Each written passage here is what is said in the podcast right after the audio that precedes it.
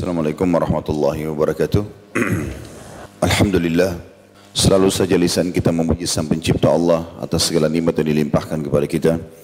Termasuk bisanya kita hadir pada hari ini di masjid salah satu dari rumah-rumah Allah ini untuk menghadiri majlis ilmu dan tentu kita berharap Allah Subhanahu wa taala menjadikannya sebagai amal saleh dan juga dijadikan sebagai ilmu yang bermanfaat tentu dengan mengikhlaskan juga niat kita. Dan selanjutnya kita panjatkan salawat dan taslim, salam hormat kita kepada utusan Sang Pencipta Allah, Nabi besar Muhammad sallallahu alaihi wasallam sebagaimana Allah telah memerintahkan kita untuk mengucapkannya. Melanjutkan pada buku kita dan kita masih kitab adab mufrad masih dalam bab berakhlak mulia bila memahami agama. Dalam arti kata, kalau orang memahami agama dipastikan akhlaknya akan baik. Tentu di sini kita bicara idealnya, dia ikhlas dalam menuntut ilmu, memang dia ingin menerapkan aturan Allah Subhanahu wa taala dalam hidupnya, maka tentu akan mengubah akhlak menjadi lebih baik, lebih ramah, lebih dermawan, lebih berbakti dan segala macam hal yang semua berbau akhlak yang mulia. Kita masuk ke bahasan hadis kita pada pagi ini. Semoga Allah berkahi lanjutannya Hadis nomor 291. Imam Bukhari rahimahullah berkata, Abu Nu'man mengabarkan kepada kami ia berkata, Abu Awana mengabarkan kepada kami dari Ziyad ibn Alaqah an Usama bin Syarik qal kuntu 'inda an-nabi sallallahu alaihi wasallam wa ja'at al-a'rab nasun kathirun min ha huna wa ha huna fasakata an-nasu la yatakallamuna ghayruhum faqalu ya علينا حرج في كذا وكذا في أشياء من أمور الناس لا بأس بها. فقال يا عباد الله وضع الله الحرج. إلا امرأ اقترض امرأ ظلما فذاك الذي حرج وهلك. قالوا يا رسول الله أنا تداوى؟ قال نعم يا عباد الله تداووا فإن الله عز وجل لم يضع داء إلا وضع, وضع له شفاء. ghaira da'in wahid. Qalu wa ya Rasulullah? Qala al-haram. Qalu ya Rasulullah, ma khairu ma u'tiya al-insan? Qala khuluqun hasan. Jadi sebelum saya baca terjemahan sebenarnya hadis ini kalau berhubungan dengan masalah akhlak itu adalah potongan terakhir hadisnya. Tetapi satu hal yang sangat baik kita kalau belajar, teman-teman sekalian, kalau kita belajar ayat atau hadis, kita tidak mengambil penggalan-penggalannya saja. Kita berusaha mengambil seluruhnya supaya maksimal dalam memahami. Apalagi kalau ada sebab turunnya ayat dan ada sebab penyebutan hadis. Karena sebab ini makin membuat kita faham kenapa ayat itu turun, kenapa hadis itu disebutkan oleh Nabi Shallallahu Alaihi Wasallam. Kita bacakan dulu di sini dari Usama bin Syarik ia berkata, Aku pernah bersama Nabi Shallallahu Alaihi Wasallam. Lalu datanglah sejumlah orang Arab Badui. Orang banyak dari sini dan dari sana. Maksudnya ramai sekali orang datang ke masjid. Menemui Nabi SAW. Mereka lalu diam. Tidak berbicara satu sama yang lain. Lalu mereka berkata, Wahai Rasulullah, apakah kita berdosa jika kita melakukan ini dan itu? Yaitu dalam sejumlah urusan manusia yang tidak diharamkan. Beliau lalu menjawab, wahai hamba-hamba Allah, Allah meletakkan dosa kecuali seseorang yang memperoleh tubuh seseorang dengan gibah, maka itulah dosa dan kebinasaan. Mereka lalu bertanya, wahai Rasulullah, bolehkah kita berobat? Maka Nabi SAW menjawab, benar, wahai hamba-hamba Allah, berobatlah kalian karena sungguhnya Allah Azza wa Jal, Allah yang maha mulia dan maha suci, tidak menetapkan suatu penyakit kecuali dia, dia besar kata ganti Allah, kecuali dia menetapkan obat baginya. Kecuali satu penyakit, mereka bertanya apa itu wahai Rasulullah? Beliau SAW menjawab, masa tua. Mereka lalu bertanya lagi, wahai Rasulullah, apa hal terbaik yang diberikan kepada manusia? Maka beliau SAW menjawab, akhlak yang baik. Di situ ada beberapa kosakata yang saya lihat perlu dibaca. Al-haraj, kesempitan dan terkadang bermakna dosa dan keharaman. Karena orang-orang tadinya bertanya, apakah kita berdosa dalam melakukan ini dan itu, yaitu sejumlah urusan manusia yang tidak diharamkan. yang dimaksud dengan al-haraj tadi.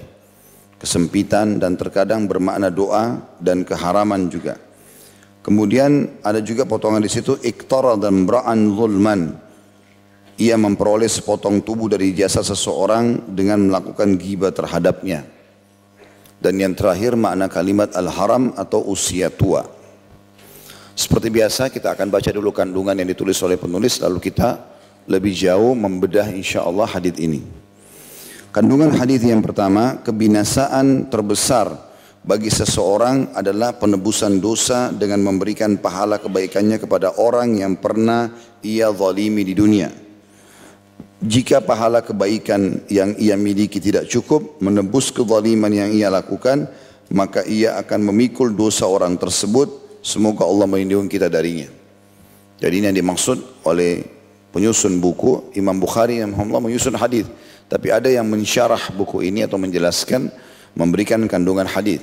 Dari hadis ini diambil pelajaran yang pertama adalah bahwasanya semua orang yang pernah menzalimi orang lain di dunia karena buruknya akhlaknya apakah itu mencela, mencaci, menggibah atau gunjing atau memfitnah atau mengambil haknya dalam bentuk materi misalnya mencuri dan seterusnya maka kalau dia tidak sempat bertaubat dan meminta maaf kepada Allah di dunia juga meminta maaf kepada pemilik hak mengembalikan apa yang merupakan haknya orang lain maka tentu hari kiamat dia akan dituntut dan akan diambil dari pahala dia. Kalau mencukupi maka pahalanya dikasih kepada orang yang terzalimi. Kalau tidak cukup maka akan dibayar dengan dosa orang yang terzalimi dibebankan pada dia. Jadi pahalanya habis dan dosa orang lain dia yang tanggung tentunya. Jadi orang lain yang berzina, orang lain yang mabuk tapi dia yang disiksa untuk menutupi kesalahan yang dia lakukan. Dan ini tentu diambil daripada potongan hadis yang tadi ada sahabat yang mengatakan ya Rasulullah apakah kita akan dihisap oleh Allah hanya karena kita melakukan misal nyindir-nyindir orang hanya sekedar uh, menyinggung perbuatannya menceritakan aibnya gitu-gitu maka Nabi SAW mengatakan, iya tentu saja. Itu semua akan dihisap. Ya.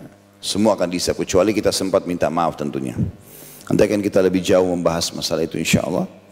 Kemudian yang kedua, dibolehkan menempuh jalan pengobatan dan meminta pertolongan dokter. Dan ini bagian daripada agama kita.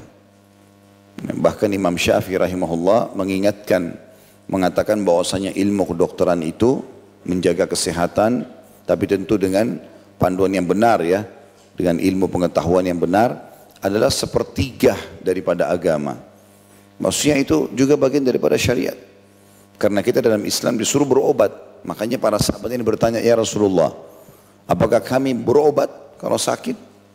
Seakan-akan beliau-beliau ingin mengatakan para sahabat Ridwanullah alaihim, kalau sakit tidur aja di rumah atau kita coba ketemu sama tabib, dokter, berobat, minum, cari jalan gitu. Maka kata Nabi SAW, iya berobat. Karena Allah tidak pernah turunkan penyakit kecuali Allah juga berikan kesembuhan bersamanya. Jadi partner, pasti ada. Ini kan. Kecuali satu penyakit. Maka para sahabat bertanya penyakit apa itu ya Rasulullah? Kata Nabi SAW masa tua. Ya, jadi orang kalau sudah tua pun itu tanda kutip dalam gambaran syariat dianggap penyakit. Tapi penyakit ini ya salah satu bagian daripada penyakit sekian banyak. Sebagian ulama mengatakan kenapa dibahasakan masa tua penyakit karena memang tubuh sudah melemah, kekebalan tubuh juga akhirnya berkurang sehingga segala macam penyakit bisa datang kepada dia. Mungkin orang tua sudah lebih tahu masalah itu adanya kelemahan, adanya sakit punggung, adanya sakit kaki, adanya ini, adanya itu segala macam. Itu memang yang dimaksud dengan al-haram tadi. Nanti akan kita lebih jalan juga membahas tentang masalah pengobatan-pengobatan yang dianjurkan ya. Kemudian yang ketiga, akhlak mulia merupakan pemberian yang mahal dan sangat berharga dari Allah kepada hamba-hambanya. Dan ini jadi inti bahasan kita. Kalau Bapak Ibu masih ingat dari awal-awal bab kita sudah bahas hadis yang mulia yang kata Nabi Shallallahu Alaihi Wasallam eh, tidak ada sesuatu yang paling berat di timbangan amal pada hari kiamat dibandingkan akhlak yang mulia. Baik kita lebih dalam teman-teman sekalian membedah isi daripada hadis ini. Kita mulai dari awal Dikatakan oleh Usama bin Syarik radhiyallahu anhu dia menggambarkan bagaimana kondisi masjid pada saat itu. Bahwasanya Nabi SAW kedatangan banyak orang badui. Dan ini menandakan pelajaran pertama yang bisa kita ambil bagaimana Nabi SAW menyambut umatnya yang ingin bertanya, yang ingin bertemu. Ya, hanya saja Nabi SAW lebih umum menemui mereka di masjid. Karena masjid lebih menampung. Gitu kan. Ada beberapa orang yang diajak ke rumah tapi itu sangat terbatas. Ya, karena kondisi tentunya, kondisi tempat Nabi SAW yang rumah kecil, walaupun beliau punya beberapa rumah, kalau eh, teman-teman uh, sempat ke Madinah dan datang ada satu uh, bukan kita bahasakan museum ya, tapi semi museum kecil tapi itu kalau tidak salah namanya uh, Museum Al-Faqih atau Bafaqih. Saya pernah sekali ke sana gitu. Kalau orang mau masuk maksimal masuk 30 sampai 40 orang gantian gitu. Karena tempatnya tidak terlalu besar. Nah di dalam itu banyak miniatur-miniatur. Jadi miniatur itu yang dibuat sama dia di blok sama kaca. Contoh bagaimana peperangan Badar. Jumlah muslimin berapa, terus dari mana arah mana, terus dikasih gambaran, terus dia terangkan. Gitu kan. Ada perang Uhud, ada perang Ahzab, ada perang Tabuk, ada perang pembebasan kota Mekah, semua peperangan Nabi SAW. Begitu juga dengan ada di situ gambaran tentang kondisi rumah Nabi SAW. Nah kalau kalau dilihat dari dinukil dari buku-buku yang ada penggambaran tentang rumah Nabi itu tidak besar. Ya, rumah Nabi SAW itu kalau saya tidak salah ukurannya antara tiga kali empat atau empat kali lima. Ya. Jadi tidak besar, walaupun beliau punya beberapa gitu kan alaihissalatu wassalam. Jadi beliau lebih banyak menyambut tamu di masjid. Dan ini juga memberikan gambaran kepada kita fungsi masjid itu bukan hanya untuk sholat. Di zaman Nabi SAW fungsinya sangat luas. Jadi menyambut tamu, ya menyampaikan uh, majlis ilmu, sholat lima waktu, sholat Jumat. Bahkan sering kali anak-anak ditahnik, ya, anak-anak yang baru lahir dibawa ke hadapan Nabi SAW Lalu Nabi kunyakan kurma, lalu disuapkan ke bayi tersebut. Nabi SAW doakan bayi-bayi itu. Jadi kayak tempat perkumpulan bayi di pagi hari datang ke masjid gitu kan. Begitu juga dengan Nabi SAW menyambut tamu-tamu negara di masjid. Siapa pun yang datang ke Madinah pada saat ingin bertemu selalu di masjid. Begitu juga dengan membentuk pasukan. Ya, selalu di pelataran masjid. Lalu Nabi SAW habis sholat, lalu mengumpulkan dulu harta, pengumpulan untuk jihad, baru kemudian membentuk pasukan dan mengatur di depan masjid seperti itulah. Jadi masjid itu fungsinya sangat besar sekali. Ya, bukan hanya seperti lingkup yang sekarang kita lihat, masjid cuma azan dipakai sholat kemudian ditutup habis itu. Jadi nggak berfungsi. Akan bahkan ada sebagian masjid kita datang terkunci nggak bisa sholat. Saya mampir di beberapa masjid dikunci nggak bisa sholat. Padahal sudah sholat wajib. Alasannya pengurus lagi kerja. Nah ini rumah Allah subhanahu wa ta'ala. Harusnya bisa terbuka. Seperti itulah. Jadi di sini kita ambil pelajaran pertama bagaimana Nabi SAW menyambut mereka dan yang dimaksud dengan badui adalah orang-orang dari padang pasir. Mereka datang dan bertanya yang tinggal di padang pasir. Kemudian potongan yang kedua yang kita bisa ambil adalah pertanyaan mereka. Dan ini ada adab dalam pertanyaan ya. Kalau bertanya harusnya memang bertanya sesuatu yang diperlukan dan belum difahami. Kalau bertanya untuk mengetes, untuk menunjukkan kalau dia hebat, dia faham, maka ini nggak ada manfaatnya, ria, nggak ada nilainya. Kalau kita bertanya karena tidak faham dan memang mau ya, mengambil ilmu itu ikhlas karena Allah Subhanahu Wa Taala, maka ini besar sekali manfaatnya. Karena dengan dia bertanya, misalnya kita di majelis begini, entah sekarang masya Allah jumlahnya berapa di masjid ini, tapi kalau misalnya satu orang bertanya, betul-betul dia ikhlas ingin bertanya, dia nggak faham, dia ingin tahu ilmu agama ini seperti apa. Karena dengan keikhlasan itu orang lain jadi tahu. Anggap di masjid ini misalnya dari pertanyaan itu selain penanya mengamalkan tentang sholat malam misalnya. Mungkin ada yang dengar dari sekian 500 ribu orang yang hadir misalnya, dua orang aja yang amalkan. Maka dia panen pahalanya. Karena dia penyebab orang jadi faham, oh ternyata harus begini. Tapi ikhlas. Cuma kalau orang hanya sekedar mau mengetes, kayaknya mau tes nih pemateri pinter nggak sih? Hmm. Makanya saya sering bahasakan, kalau bertanya jangan tes saya. Kalau udah faham, nggak usah nanya. Mungkin anda lebih pintar dari saya gitu kan. Jadi betul-betul memang murni itu. Kemudian juga jangan hanya sekedar mau tunjukkan kepada orang kalau dia hebat. Maka kadang-kadang keluar bahasa-bahasa yang mungkin tidak semua jemaah faham. Gitu kan? Ini juga mungkin disebabkan karena mereka ingin menunjukkan diri. Biasanya cirinya orang-orang seperti ini, kalau lagi dijelaskan jawabannya, dia sibuk dengan alamnya sendiri. Sibuk dengan handphone, sibuk bicara sama temannya. Karena dia tidak butuhkan jawaban, dia hanya butuh menunjukkan ke orang-orang kalau dia bertanya. Ya, tidak ada manfaatnya jadi riak buat dia. Ya, jadi ada adab dalam bertanya. Nah para sahabat memberikan pelajaran kepada kita ridwanullah alaihim. Mereka bertanya kepada baginda Nabi SAW hal yang belum difahami. Dan memang bagus untuk bertanya. Sampai pernah ada seorang wanita dari Ansar mengatakan ya Rasulullah namanya Asma radhiyallahu anha. Tentu ini Asma bukan saudarinya Aisyah radhiyallahu anha tapi Asma yang lain dari orang Ansar mengatakan ya Rasulullah sesungguhnya Allah tidak malu menjelaskan kebenaran. Dan saya butuh jawaban, apakah wanita juga mandi junub kalau dia mimpi? Maka kata Nabi SAW, iya kalau dia mendapatkan kemaluannya basah. Ini sensitif, tetapi masalah agama. Kalau nggak ditanya nggak faham gitu kan. Dan akhirnya karena ketulusan Asma bertanya, sampai hari ini di buku-buku hadis dinukil. Dan sampai hari ini banyak muslimah memahami hukum itu. Dipelajari. Dan entah Allah alam sampai kapan Allah menjaga ilmu itu. Karena Allah akan angkat ilmu itu menjelang hari kiamat. Maka semua orang yang faham hukum karena pertanyaan asma dapat pahala. Kan itu. Maka ini pelajaran penting gitu kan. Kalau kita bertanya memang penting. Bertanya itu akan menghilangkan kesesatan, akan menghilangkan sangka buruk dan seterusnya. Karena kapan kita tidak bertanya jadi masalah ini. Begitu juga masuk dalam masalah ini teman-teman sekalian, kita dianjurkan dalam bertanya ini tadi saya bilang bukan sengaja mencari-cari kesalahan orang. Karena mencari kesalahan orang, mencari aib, sengaja tanya, kau ke mana saja, kenapa enggak kelihatan, padahal enggak urusan sama dia gitu, teman kantornya kah, orang di sini kah atau di mana, enggak, enggak ada urusan sama dia. Kalau ada urusan sama kita, kita boleh tanya, kalau enggak, enggak usah. Jangan bertanya teman-teman sesuatu yang akhirnya membuat orang yang sedang kita tanya terpojok, kita pun terpojok. Pada saat dia jawab misalnya urusanmu apa, kan jadi masalah. Misal contoh. Maka ini tidak diperlukan untuk apa kita jatuhkan wibawa kita di depan orang. Hanya karena sembarangan bertanya gitu.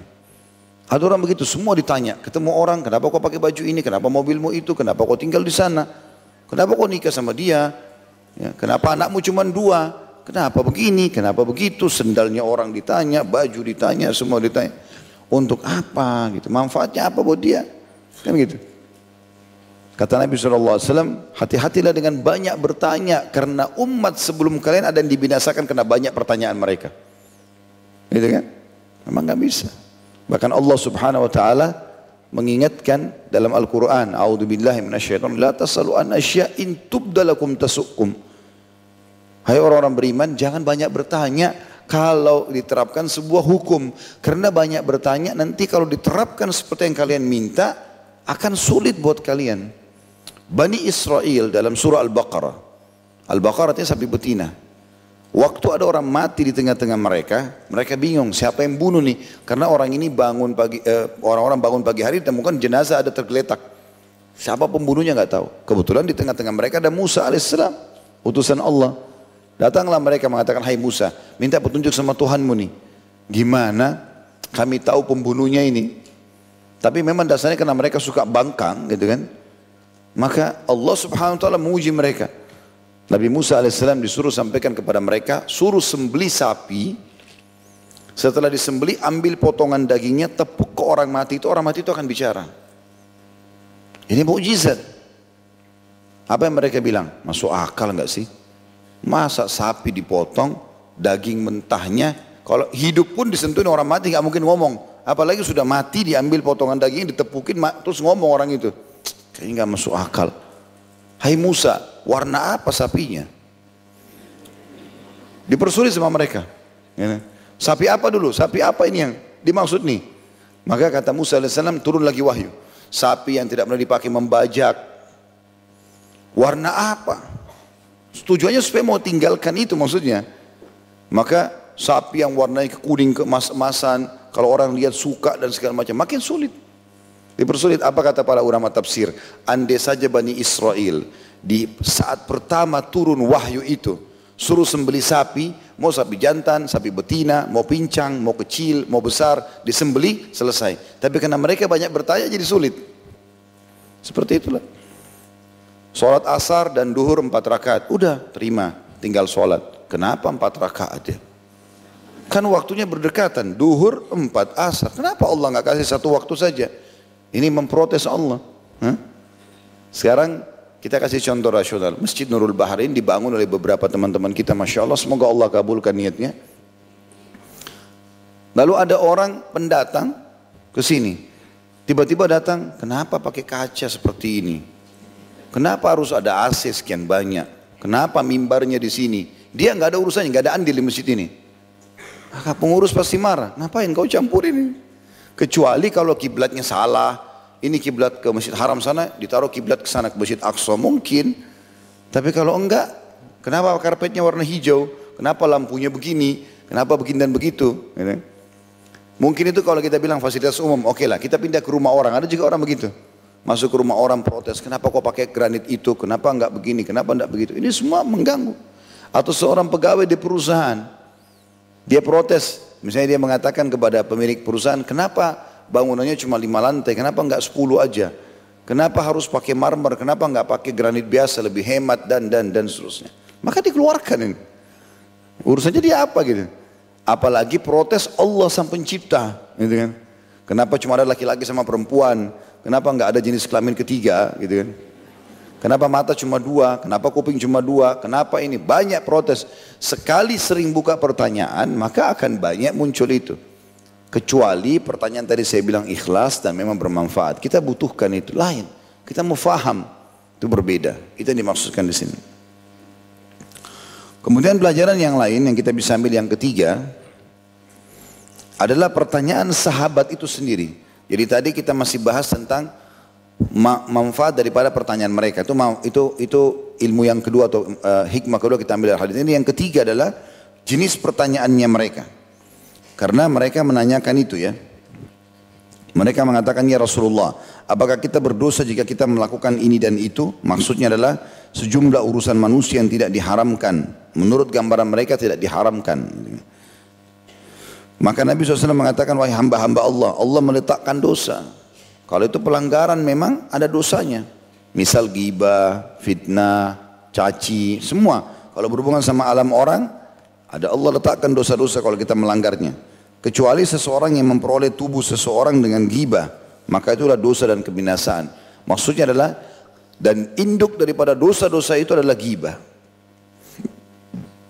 Gibah berarti menceritakan aib orang. Dalam hadis disebutkan, dalam hadis yang lain, Kata Nabi SAW, Atadruna manil ghibah. Apakah kalian tahu apa itu ghibah? Gunjing. Maka kata para sahabat, Allah dan Rasulnya lebih tahu ya Rasulullah. Allah, Allah dan Rasulnya lebih tahu. Maka kata Nabi SAW, engkau menyebutkan sesuatu yang tidak disukai dari saudaramu. Jadi kalau kau ceritain dia nggak suka itu. Maka ada sahabat mengatakannya Rasulullah. Bagaimana kalau memang dasarnya ada pada dia itu? Kata Nabi SAW, kalau ada padanya kau telah menggibahnya. Kalau tidak ada padanya, kau telah mendaliminya atau memfitnahnya. Teman-teman tugas kita apa yang kelihatan depan mata, apa yang terdengar oleh kuping, yang terjangkau dengan tangan dan kaki, kalau itu benar kita dukung, kalau itu salah kita luruskan. Yang tidak kita tahu nggak usah dikorek-korek. Saya sering bahasakan itu. Jangan ambil tugasnya malaikat. Sudah ada Allah taruh kiri kanan, catat amal baik dan amal buruk dan tidak pernah tidur. Malaikat tidak tidur. Catat semua. Kita tidur pun ditemani sama dia. Jadi untuk apa kita sibukkan diri? Repot dengan keadaan orang. Ngawasin ini, ngawasin itu. Gitu kan? Maka tidak bisa selesai-selesai. Salah depan mata kita luruskan. Benar kita dukung, selesai. Kan begitu. Sederhananya begitu. Jadi kalau orang berjalan seperti ini dia akan tentram sebenarnya. Orang yang sulit hidupnya itu karena selalu mencari kejelekan orang. Sebagian salaf mengatakan orang yang sibuk mencari kejelekan orang lain maka dia akan melupakan kejelekan dirinya. Dan ini adalah awal kebinasaan dia. Sementara orang yang sibuk mencari, menilai kejelekan dirinya, apa nih yang kurang supaya dia bisa upgrade dirinya, dia bisa perbaikin lebih bagus lagi. Maka dia akan tertutupi dari kejelekan orang lain karena dia sibuk perbaiki dirinya. Dan kapan dia lihat kejelekan yang sama pada orang lain, maka dia akan merasa sedih karena menimpa saudaranya. Jadi kita harus sibuk dengan itu. Kita nggak boleh teman-teman selalu mencari kesalahan orang. Perhatikan adab nabawiyah.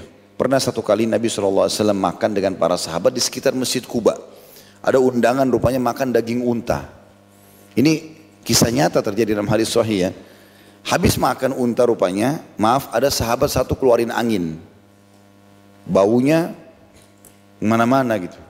Ya. Sehingga yang lain terganggu. Ya. Maka Nabi SAW melihat kejadian itu, bagaimana caranya nih? Mengingatkan orang yang buang angin di tempat makan orang rame-rame gitu. Dan baunya mengganggu orang lain. Tadinya makanan sedap, sekarang cium bau ini mengganggu nih. Tapi Nabi punya adab yang luar biasa. Beliau mengatakan, selesai makan, semua yang sudah makan daging unta berudu. Semua, tidak terkecuali. Artinya kalian semua di ruangan ini keluar uduk. Nabi nggak tegur satu orang itu saja yang kentut itu. Yang Nabi tegur, Nabi ingatkan semua supaya orang itu tertutupi. Bayangin adabnya gitu. Nabi SAW bilang semua yang makan daging unta berudu. Keluar semuanya. Nabi nggak sebutin. Ada juga teman-teman sekalian, kisah semalam saya sempat sampaikan sebenarnya di blog M ini tapi saya ingatkan di sini karena belum saya sampaikan di sini. Umar bin Khattab radhiyallahu itu punya tradisi yang baik sebenarnya. Beliau itu setiap malam sebelum tidur keliling Madinah.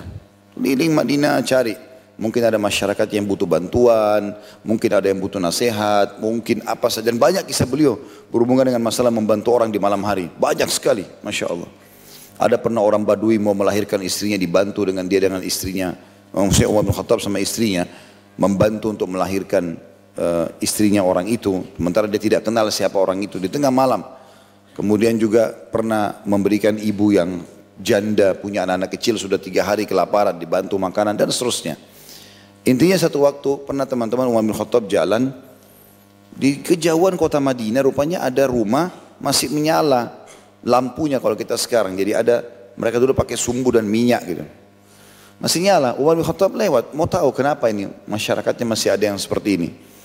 Dia lewat, terus dia bersama Abdullah bin Mas'ud radhiyallahu anhu majma'in lagi jalan ngawasin malam itu. Lalu Umar mengatakan, "Hai Abdullah tunggulah di sini." Disuruh tunggu agak jauh dari rumah itu. Lalu Umar ngintip dari jendelanya, ngelihat ke dalam. Ya. Waktu dia lihat ternyata kelihatan ada di celah ada satu orang bapak sudah tua, rambutnya putih, jenggotnya putih, lagi minum khamr. Lagi mabuk. Dan di depannya ada budak wanita lagi nari-nari, menyanyi-nyanyi. Maka Umar langsung dobrak pintunya, marahin orang itu. Kata Umar, tidak ada sesuatu yang lebih buruk dari apa yang saya lihat malam ini. Kamu sudah tua, mabuk. Dan ini suruh perempuan begini menari depan, bagaimana ini? Lalu orang itu spontan bilang apa? Wahai Amir Mu'minin, perbuatan anda lebih baik, lebih buruk daripada perbuatan saya. Kata orang itu. Kata Umar kenapa? Dia bilang ya anda memata-matai saya sementara Allah melarang itu. Yang kedua, anda masuk rumah saya tanpa izin. Padahal orang ini lagi mabuk. Umar sebagai pemimpin negara punya hak untuk itu.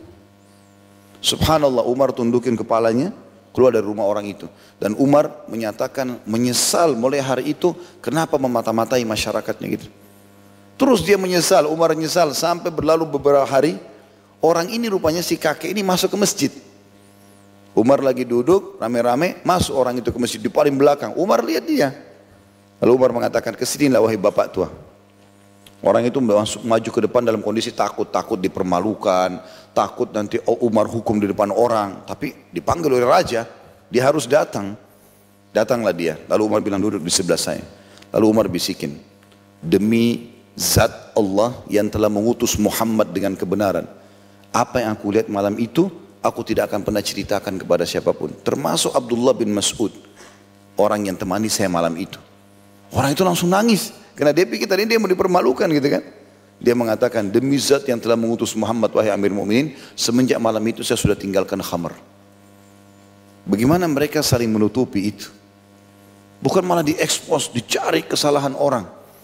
Kata Nabi SAW, ini kalimat mulia ya dalam hadis sahih. Wahai orang-orang yang baru beriman dengan lisannya dan belum masuk iman dalam hatinya. Jadi memang berarti konsepnya orang yang melanggar nanti penyampaian Nabi ini seperti itu keadaannya. Muslim iya, namanya iya Islam, pakaiannya Islam, sholat di masjid. Tapi iman belum masuk dalam hatinya, dia belum faham. Kenapa dia harus sholat, kenapa dia harus puasa, dan kenapa dia harus tinggalkan yang dilarang gitu. Janganlah kalian sengaja mencari, mengumpat-umpat kaum muslimin dan mencari-cari aib mereka. Sengaja ceritain sana sini, korek-korek cari kesalahannya. Karena sesungguhnya siapa yang mencari-cari aib saudaranya muslim, maka Allah akan bongkar aibnya walaupun dari dalam rumahnya. Diingatkan. Berarti orang yang sibuk dengan ini, gosipin orang, sebarin hoax, apalah segala macam ini, sengaja mencari-cari kesalahan orang. Begitu lihat orang dicari kesalahannya apa di tubuhnya orang itu. Penampilannya kah, tutur katanya kah, apa saja supaya disebar, diekspos. Jadi sebuah berita yang bagus, mendatangkan follower kalau zaman sekarang, mendatangkan duit, mendatangkan segala macam. Ini bahaya sekali. Kata Nabi SAW berarti orang-orang ini baru beriman dengan lisannya, belum masuk iman dalam hatinya. Berarti dia masih levelnya sangat rendah. Tolok ukurnya suka ngumpat dan cari-cari aib. Untuk apa ini gitu. Maka seperti itulah gambarannya teman-teman. Oleh karena itu Nabi SAW mengingatkan, giba itu adalah sesuatu yang sangat berat. Ya. Karena itu dosa yang paling berat yang akan dihisap pada hari kiamat nanti. Juga renungi hadis yang pernah kita sampaikan teman-teman, riba itu 70 atau 73 tingkatan. Yang paling rendahnya seperti seseorang zina sama ibunya sendiri. Ya. Dan yang paling tingginya kalau kita susun dari level 1 yang paling rendah sampai level 72 atau 73 gitu kan, riba itu maka yang paling rendahnya seperti orang zina sama ibunya. Yang paling tingginya level yang paling terakhir 73-nya itu adalah setara dengan orang mencari dan menceritakan aib saudaranya. Jadi subhanallah orang kalau ceritain aib orang, masuk ke sengaja cari-cari rumahnya orang, cari kesalahannya, cari ini, apa nih info yang dia bisa disebarin, itu seperti 73 kali zina sama ibunya sendiri. Karena dia seperti level tertingginya riba, gitu kan? Untuk apa masuk ke zona orang ini? Untuk apa? Itu yang saya sering bahasakan. Makanya teman-teman kalau pertama tegur sapa sama kerabat, sama teman-teman di pagi hari begini, Assalamualaikum warahmatullahi wabarakatuh, apa kabar? Tadi sholat subuh on time gak? Atau apalah nasihat apa gitu ya. Ini enggak, enggak Assalamualaikum sudah tahu belum? Sudah tahu belum? Tuh tetangga sebelah tuh, itu berita ini tuh, oh itu gosip luar biasa. Gibah, masuk ke zonanya orang lain, bahaya ini. Nggak boleh. Ini yang disebutkan dalam hadis ini dosa yang paling berat. Bahkan ancamannya seperti memakan bagian tubuh. Ya. Dalam ayat Al-Quran disebutkan itu seperti memakan bangkai saudaranya. Ya. Kalau nggak salah Ibnu Rajab rahimahullah uh, menukil kisah di dalam buku beliau 559 kisah nyata alam barzah. Dan itu pernah saya titik beratkan kalau bapak ibu punya uang Allah bukan rezeki beli aja. Saya nggak hafal harganya berapa, tapi buku lumayan, sedang, bukan sebesar buku kita ini, tapi semuanya kisah-kisah nyata, khusus alam barzah. Kalau nggak salah, sekian banyak kisah tentang orang-orang soleh, jenazah orang soleh, sekian juga kisah orang-orang yang fasik atau orang yang jauh dari agama gitu. Nah salah satu yang dinukil tentang masalah gibah ini ada kisah diangkat sama beliau, kisah nyata di Irak. Waktu orang lagi pada ngantar jenazah, maka dia mengatakan disaksikan oleh banyak orang, dan itu dinukil oleh beliau di Ibn Rajab terpercaya tentunya. Dan beliau mengatakan ada satu orang melihat ber, orang berkulit hitam kemudian mau loncat ke dalam liang lahat. Tapi orang tidak semua melihatnya, ada sebagian saja orang melihatnya. Dan ada orang sempat menanyakan siapa kau ini? Dia mengatakan aku adalah orang yang pernah digibah oleh orang ini. Maksudnya bangkainya gitu kan. Yang akan termasuk bagian daripada siksaan si jenazah ini. Allah alam seperti apa, tapi itu contoh saja maka makin kita tidak tahu masalah orang makin bagus. Termasuk teman-teman suami istri. Saya tidak pernah mau kecuali istri saya betul-betul menceritakan ya. Kalau saya mencari tahu, Enggak, enggak perlu. Untuk apa saya cerita? Saya ingatkan, kalau yang saya tahu salah dari kamu saya luruskan. Kalau benar saya dukung. Tapi saya mengorek-ngorek enggak. Saya enggak mau cari tahu masalah itu. Saya sampai hari ini tidak pernah ya atau tidak mau memang untuk memeriksa handphone istri saya. Saya enggak mau. Urusan dia sama Allah, urusan kau sama Allah. Ada orang pulang kerja suami, mana handphone kamu? Cek dulu semua. Kamu hubungi siapa saja. Curiga. Pergi kantor, tidak bisa konsentrasi kerja. Curiga semuanya. Itu juga dengan ibu-ibu itu. Suami pulang, masuk kamar mandi, handphone dulu. Cek. Kenapa ketawa? Pasti ada ada yang ngena di situ. Cek. Ambil nomor telepon. Ah ini perempuan nih. Ini begini, ini begitu. Padahal kadang-kadang handphone memang kalau ada grup sering masuk foto kadang-kadang orang tidak sengaja. Jadi untuk apa? Menyusahin diri kita. Bahkan salah satu yang saya susun dalam kiat mempertahankan rumah tangga ada dari 30 kiat mempertahankan salah satunya itu teman-teman tidak boleh sengaja mencari-cari aib pasangan. Kita bahkan tidak boleh tanya, kau pernah zina enggak? Misal dia bilang, saya nggak mau tidur sama kamu sampai kau ngaku pernah zina nggak? Nggak boleh kita tanya itu. Masa lalu orang. Depan mata ini istri saya pakai jilbab sekarang, soleh ya, selesai. Oh ini suami saya, soleh, selesai. Gak usah tanya-tanya masa lalunya orang. Kamu pernah khamr nggak? Pernah merokok nggak? Pernah ini nggak? Pernah itu nggak? Nggak perlu. Sekarang ke depan. Itu yang kita lihat. Islam nggak pernah menyuruh kita melihat masa lalu orang. Banyak sahabat dulu penjahat. Benci dengan Islam. Tapi setelah masuk Islam berubah. Maka tidak pernah didukil. Tidak pernah dijadikan tuh, oh pernah tuh penjahat gini-gini. Enggak. Dilihat sekarang Umar bin Khattab dulu pemabuk. Benci sama Islam, membunuh Nabi. Tapi masuk Islam. Orang kenang setelah masuk Islamnya. Gitu kan. Jadi kita tugasnya seperti itu ke depannya. Lihat sekarang ke depan. Kebaikan-kebaikan orang. Allahu alam. Kemudian juga pelajaran yang bisa kita ambil di sini. Selanjutnya dari potongan hadis adalah tentang masalah Para sahabat bertanya juga, apakah kita berobat ya Rasulullah? Maka kata Nabi SAW, ya, karena Allah tidak pernah turunkan penyakit kecuali Allah turunkan bersamanya kesembuhannya. Ya. Dan ini menandakan teman-teman bantahan telak kepada orang-orang yang mengatakan ini penyakit nggak ada obatnya. Itu menurut dia, menurut agama kita tidak. Karena di sini hadis jelas tidak ada penyakit yang tidak ada obatnya. Pasti ada. Gitu kan? Kalau di alam medis belum ditemukan, maka di dalam pengobatan nabawiyah ditemukan. Contoh misal, habatus sauda yang sering saya bilang, biji hitam atau bisa kita bahasakan jintan hitam, ya, harganya murah di pasar, beli sekilo aja mungkin setahun dipakai. Ya. Murah, gampang didapatkan gitu kan. Kalau lagi umroh, lagi haji bisa beli di sana ada yang terbaik dari Ethiopia, Habasya orang sana bilang warnanya hitam pekat itu. Itu sangat bagus. Apa kata Nabi SAW? Habbatus sauda dawa min kulli illa sam. Jintan hitam itu, habbatus sauda, obat untuk semua penyakit kecuali kematian. Mati nggak bisa diobati memang, nggak mungkin. Kenapa teman-teman masih jarang di antara kita taruh ini di rumahnya? Konsumsi tiap hari. Taruh di kopi, taruh di teh, taruh di nasi, taruh di kue. Kantongin kalau perlu. Isap-isap habatus sauda itu. Karena memang Nabi bilang begitu, obat untuk semua penyakit. Kecuali kematian. Cuma ada yang saya ingin berbagi di sini. Kebetulan di tempat saya pernah saya jual itu, taruh di toko, di toples ditaruh gitu. Terus ada satu bapak herbalis rupanya beliau. Jauh Masya Allah lebih tua daripada kami datang ngobrol-ngobrol di toko. Kemudian dia bilang, Ustaz ini habatus sauda asli kan? Saya bilang iya. Bilang Ustaz sudah tahu cara pakainya. Saya bilang selama ini saya pakai saja yang saya butuh. Kadang-kadang satu sendok ya, makan, satu sendok makan dan segala macam. Dia bilang sebagai jangan Ustaz. Karena habatus sauda itu walaupun kecil, itu kandungannya padat sekali. Kalau orang punya mah, kemudian dia langsung makan banyak, justru berpengaruh pada mahnya. Gitu kan? Justru asam lambungnya naik. Dan akhirnya orang nanti nilai haba sauda tidak baik. Padahal obat itu sebuah penyakit. Terus saya tanya, lalu bagaimana saran antum? Dia bilang, kalau setiap konsumsi, hitung butiran. Tujuh butir saja. Kecil-kecil itu kan. Jadi satu sendok madu misalnya cuma tujuh butir konsumsi. Jangan banyak-banyak. Di teh juga begitu cuma lima tujuh butir. Di kopi, di susu gitu-gitu.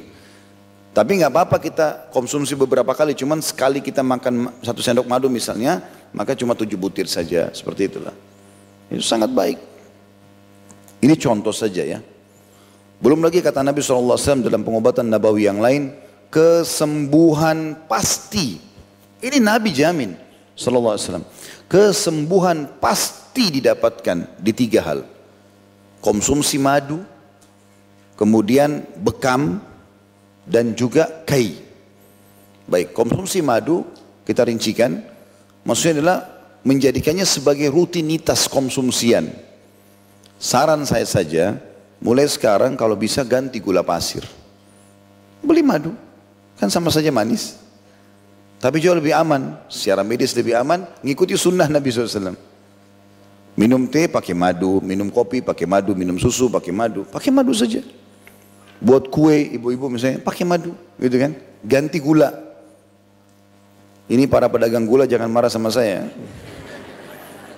Saya berbagi.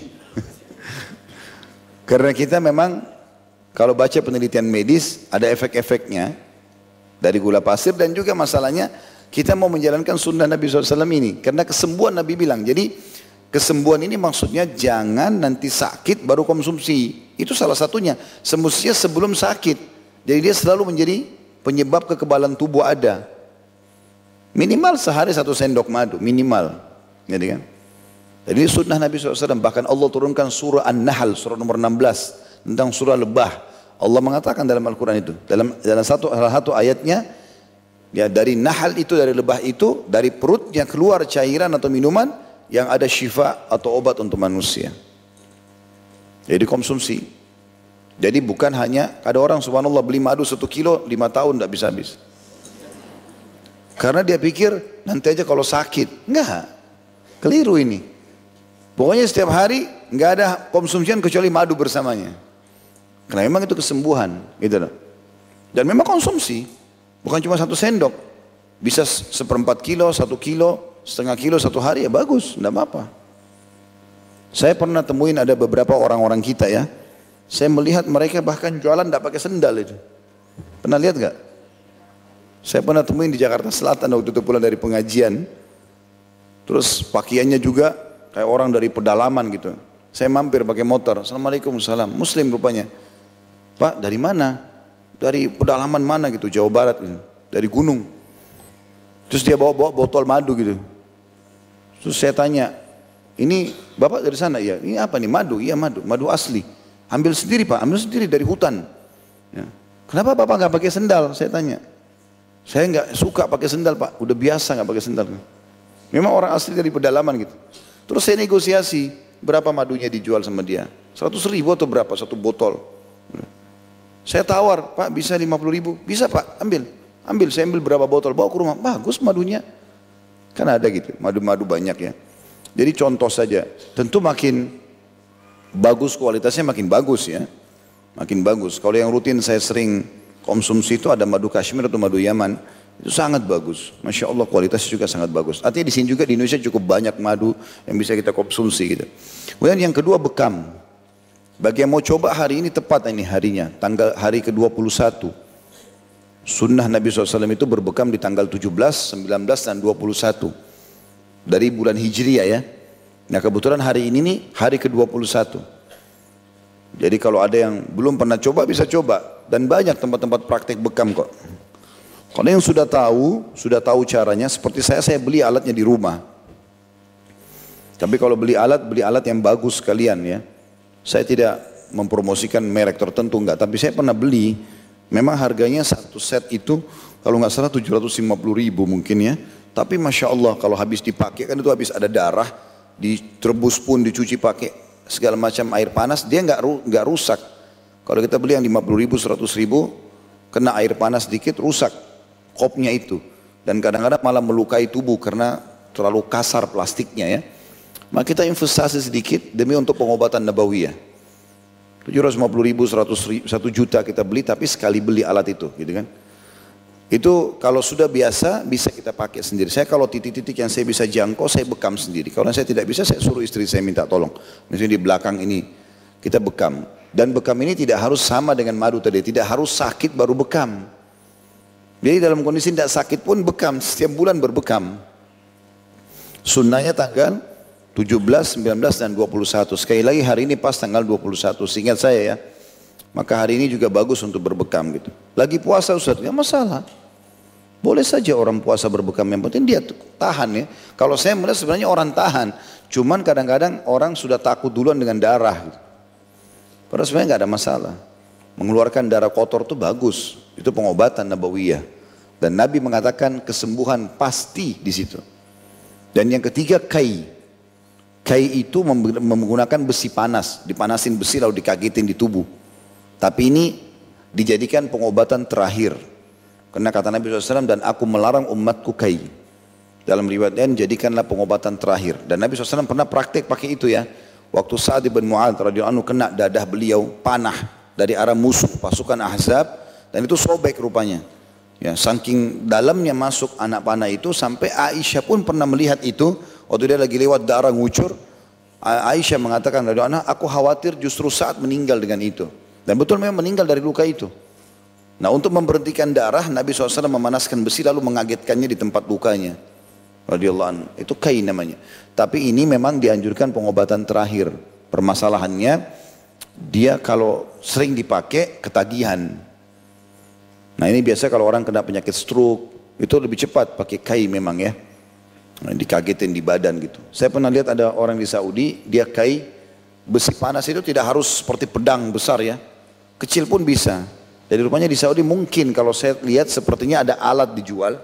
Itu kayak dipanasin, nanti kemudian tuh kayak di, cuma ditempel-tempelin di dekat titik-titik kepala. Ada orang stroke di Saudi, itu kemudian di titik-titik, tapi orang yang mahir mungkin urat sarafnya di mana, di kai sama dia beberapa titik kepalanya, orang itu langsung berdiri. Sembuh dia. Sampai dia memuji Allah, bersyukur kepada Allah, Allah sembuhkan. Karena Nabi memang mengatakan kesembuhan pasti di situ. Ini contoh gitu kan. Kemudian juga konsumsian apa yang Nabi SAW suka mengkonsumsinya seperti kurma. Terutama kalau teman-teman bisa mengkonsumsi kurma ajwa. Ya. Ajwa Madinah. Dan itu dikonsumsi tujuh butir per hari. Minimal itu dan terutama di pagi hari. Kalau kayak hari puasa Senin Kamis, teman-teman pakai dalam sahur. Kalau bisa dapat ajwa, Alhamdulillah. Karena kata Nabi SAW, siapa yang mengkonsumsi tujuh butir ajwa di pagi hari, maka dia akan selamat dari segala jenis racun dan sihir. Yang paling membahayakan manusia kan racun dan sihir. Bisa mematikan bagi dia. Maka bisa sembuh dengan tujuh butir kurma. Dan tidak, sekali lagi, jangan tunggu disihir baru makan. Memang disuruh justru kayak kayak ada tameng-tamengnya sebelum terjadi itu gitu. Kita konsumsi. Nah kalau yang tidak biasa makan kurma langsung, mungkin karena belum terbiasa, dia bisa blender, dibuat jus. Ada bisa dibuat selai sebenarnya ya. Contoh saja. Dan Syekh bin Bas rahimahullah menitik beratkan memberikan solusi kepada kaum muslimin yang di wilayahnya tidak banyak kurma. Mungkin jauh dari wilayah Timur Tengah. Mungkin kita di Indonesia pun ada kurma ya, tapi mungkin tidak terlalu banyak. Apalagi kalau ajwa. Terlebih lagi memang harganya lebih mahal gitu ya. Maka Syekh bin Bas Allah mengeluarkan fatwa bolehnya menggantikan dengan selain ajwa. Kalau tidak ada ajwanya, ya, kurma yang biasa orang bilang kurma Nabi, maka bisa diganti dengan kurma yang lain. Intinya konsumsi tujuh butir kurma setiap hari. Itu intinya. Berarti dilengkapkan tadi dengan madu, dengan habatus sauda gitu kan. Kalau teman-teman bisa inisiatif di rumah blender, digabung antara habatus sauda, kemudian madu, ya.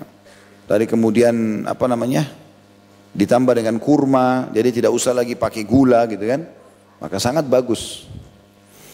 Juga sebagian ulama meniberatkan masalah mengkonsumsi apa pun yang disebutkan dalam Al-Quran yang disiapkan untuk makanan ahli surga. Seperti misalnya jahe. Kan Allah sebutkan itu dalam surah Insan, Al-Insan. Ya. Mereka meminum minuman yang campurannya jahe, gitu kan. Dan sudah tidak asing tentu di alam medis diteliti masalah jahe ini sangat bagus untuk mematikan racun dalam tubuh. Maka itu juga bagian daripada yang disebutkan. Kemudian juga buah-buahan disebutkan dalam Al-Quran seperti anggur, kurma, delima, gitu kan. Walaupun yang lain juga tentu manfaatnya besar.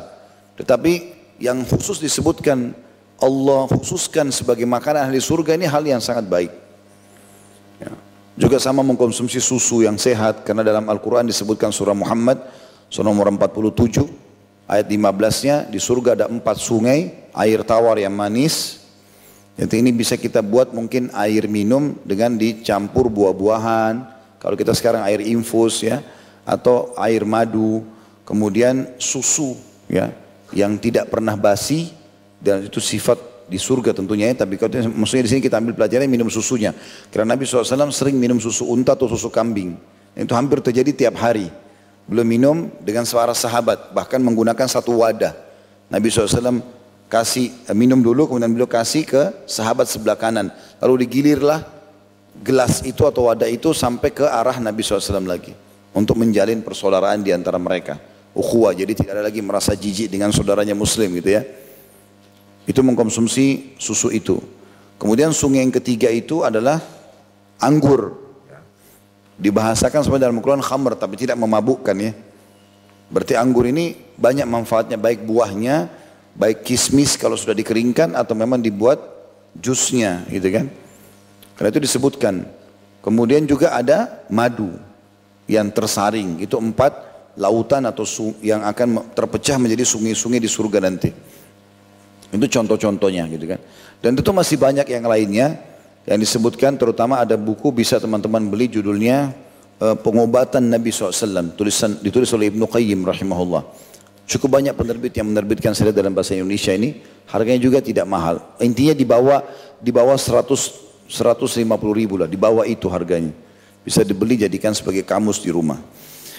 Yang kita ingin diberatkan teman-teman sekalian, Allah subhanahu wa ta'ala menciptakan penyakit sebagai cobaan bagi hambanya tapi Allah menyiapkan perangkat kesembuhannya.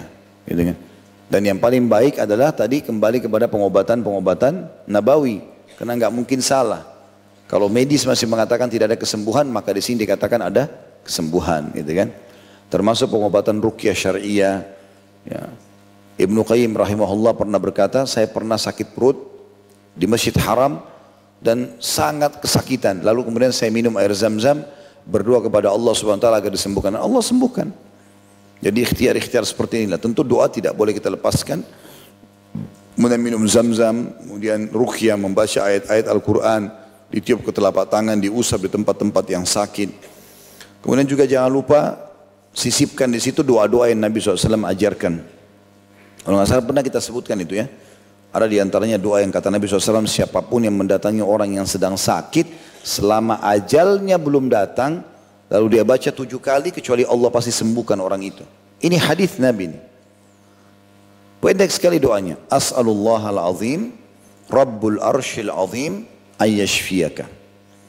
Kalau laki-laki, kalau perempuan, ayyashfiyaki. As'alullah al-azim, aku memohon kepada Allah yang maha agung, Rabbul arshil azim, pemilik singgasana yang agung, ayyashfiyaka agar menyembuhkanmu. Kalau kita baca tujuh kali di depan orang yang sedang sakit selama ajalnya belum datang, Nabi SAW mengatakan dijamin disembuhkan. Nah, itu sangat bagus. Gitu ya. Begitu juga disunnahkan untuk membaca Al-Ikhlas, Al-Falaq, An-Nas tiga, tiga, tiga kali di telapak tangan diusap tempat yang sakit. Juga bisa kita membaca doa yang lain yang Nabi SAW ajarkan baca Bismillah, Bismillah, Bismillah tiga kali kemudian A'udhu bi kudratillahi, A'udhu bi izzatillahi wa kudrati min syarri ma ajidu wa uhadiru. Dengan nama Allah, aku berlindung kepada Allah dengan kemaha kuasaannya dari apa pun yang aku takuti atau aku hati-hati darinya. Itu dipegang tempat sakit dibaca tujuh kali. Dan sekian banyak metode pengobatan yang semestinya memang kita terapkan dalam kehidupan kita. Selanjutnya teman-teman sekalian yang kita ambil daripada hadis ini adalah penutupan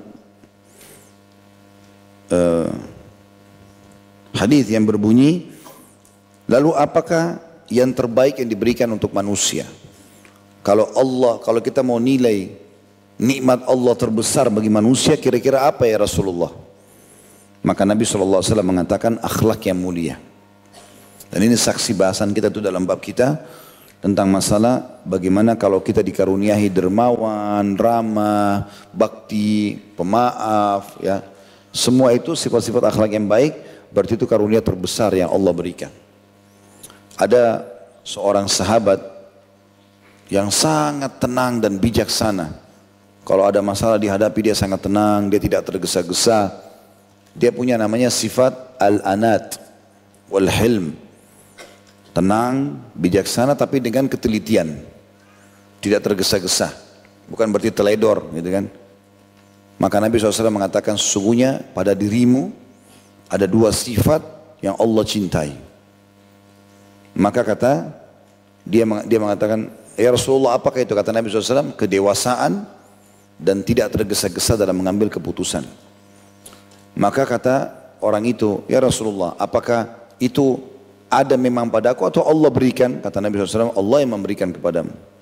Berarti kita harus minta itu. Ya. Jadi semua orang yang dewasa, bijaksana, ya lapang dada dan seterusnya ini akhlak-akhlak yang mulia adalah karunia terbesar yang Allah berikan. Baik itu saja karena sudah menjelang setengah sebelas. Saya harus ke pengajian lain lagi. Mudah-mudahan bermanfaat insyaAllah. Subhanakallah wa bihamdika. Asyadu an la ilaha illa anta astagfiruka wa atubu ilaik. Assalamualaikum warahmatullahi wabarakatuh.